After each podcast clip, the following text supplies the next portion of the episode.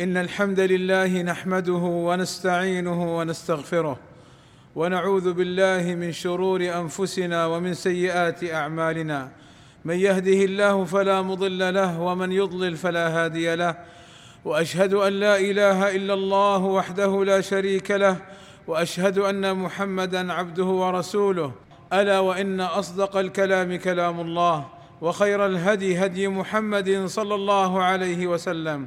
وشر الأمور محدثاتها وكل محدثة بدعة وكل بدعة ضلالة وكل ضلالة في النار. أما بعد فاتقوا الله عباد الله واعلموا أن من اتقى الله جعل له من كل هم وكرب وضيق فرجا ومخرجا ومن يتق الله يجعل له من أمره يسرا.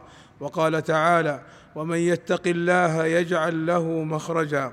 عباد الله حث النبي صلى الله عليه وسلم على تزوج المرأة الصالحة. قال صلى الله عليه وسلم تنكح المرأة لأربع لمالها ولحسبها ولجمالها ولدينها فاظفر بذات الدين تربت يداك. وقال صلى الله عليه وسلم الدنيا متاع وخير متاعها المرأة الصالحة فأساس اختيار الزوجة تمسكها بدينها وحسن أخلاقها حتى تقوم الحياة الزوجية على المودة والرحمة بينهما.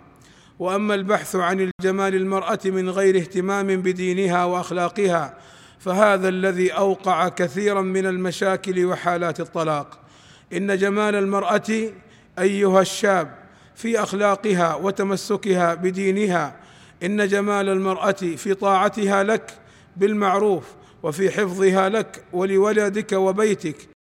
وقد أمر الله سبحانه وتعالى الزوج بمعاشرة الزوجة بالمعروف فقال سبحانه وتعالى وعاشروهن بالمعروف فإن كرهتموهن فعسى أن تكرهوا شيئا ويجعل الله فيه خيرا كثيرا.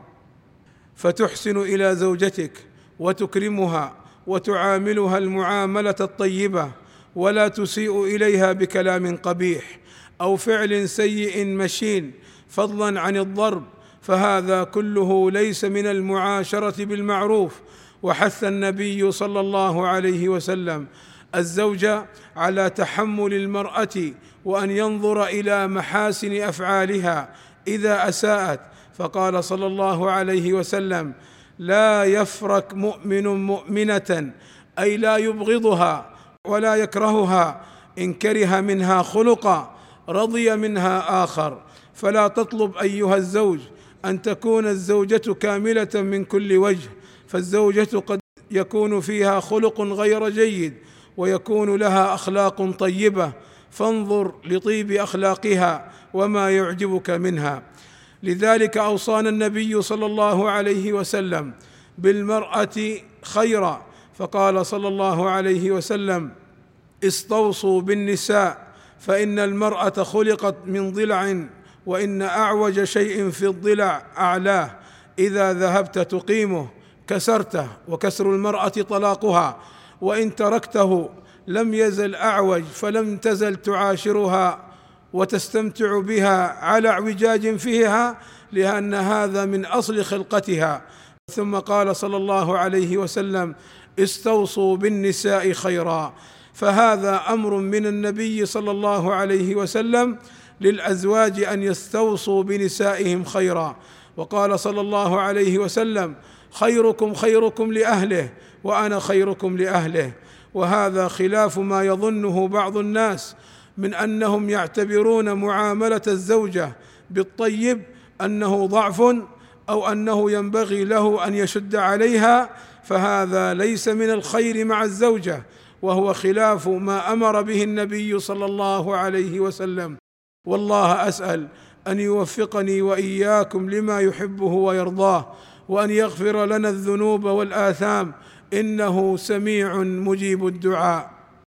الحمد لله رب العالمين والصلاة والسلام على المبعوث رحمة للعالمين وعلى آله وصحبه أجمعين.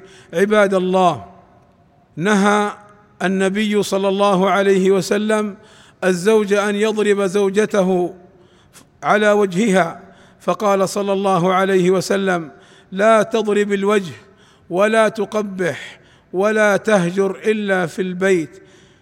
فأمرك صلى الله عليه وسلم أيها الزوج أن تجتنب ضرب الوجه وللأسف بعض الناس أول ما يبدأ بضرب الوجه فيسيء أشد الإساءة إلى الزوجة ويهينها وهذا لا يحق له شرعا ولا مروءة ولا رجولة إذ من قلة الرجولة أن يستقوي القوي على الضعيف. فلا تستقوي أيها الرجل على المرأة الضعيفة ولا تقبح لا تقبح شكلها ولا طعامها ولا فعلها ولا تقبح شيئا تقوله بل احترمها وعاشرها بالمعروف ولا تهجر إلا في البيت لا ترميها في بيت أهلها اياما وأسابيع وشهور بلا مصروف ولا سؤال فتهينها أشد الإهانة وتريد منها أن تحترمك وأن تقدرك وأنت لا تقدر شرع الله فيها. قال صلى الله عليه وسلم لا يجلد أحدكم امرأته جلد العبد ثم يضاجعها في آخر اليوم. يعني لا يضربها في النهار ثم في آخر الليل. يريد مضاجعتها وجماعها والمضاجعة تحتاج إلى مودة ومحبة بين الطرفين والضرب يقتل ذلك. فالمرأة لها مشاعرها ولها أحاسيسها. فرعها يا عبد الله بارك الله فيك. لذلك قالت أم المؤمنين عائشة رضي الله عنها ما ضرب رسول الله صلى الله عليه وسلم بيده امرأة له ولا خادما قط. فهذا صلى الله عليه وسلم قدوتنا وأسوتنا فلنقتدي به صلى الله عليه وسلم في معاشرته لأهله وحسن أخلاقه معهم. عباد الله إن الله وملائكته يصلون على النبي يا أيها الذين آمنوا صلوا عليه وسلموا تسليما. اللهم صل على محمد وأزواجه وذريته كما صليت على آل إبراهيم وبارك على محمد وأزواجه وذريته كما باركت على آل إبراهيم إنك حميد مجيد.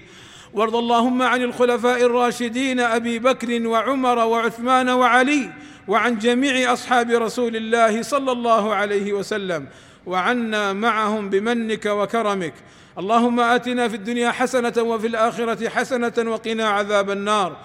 اللهم اغفر للمسلمين والمسلمات والمؤمنين والمؤمنات الأحياء منهم والأموات. اللهم وفق ولي أمرنا الملك سلمان بن عبد العزيز لما تحبه وترضاه. وأصلح اللهم به العباد والبلاد. واحفظه اللهم من كل سوء. ووفق ولي عهده الأمير محمد بن سلمان إلى كل خير واحفظه اللهم من كل سوء. اللهم أيدهما بتأييدك ووفقهما بتوفيقك وأعز بهما الإسلام والمسلمين. وصلى الله وسلم على نبينا محمد وعلى آله وصحبه أجمعين. والحمد لله رب العالمين.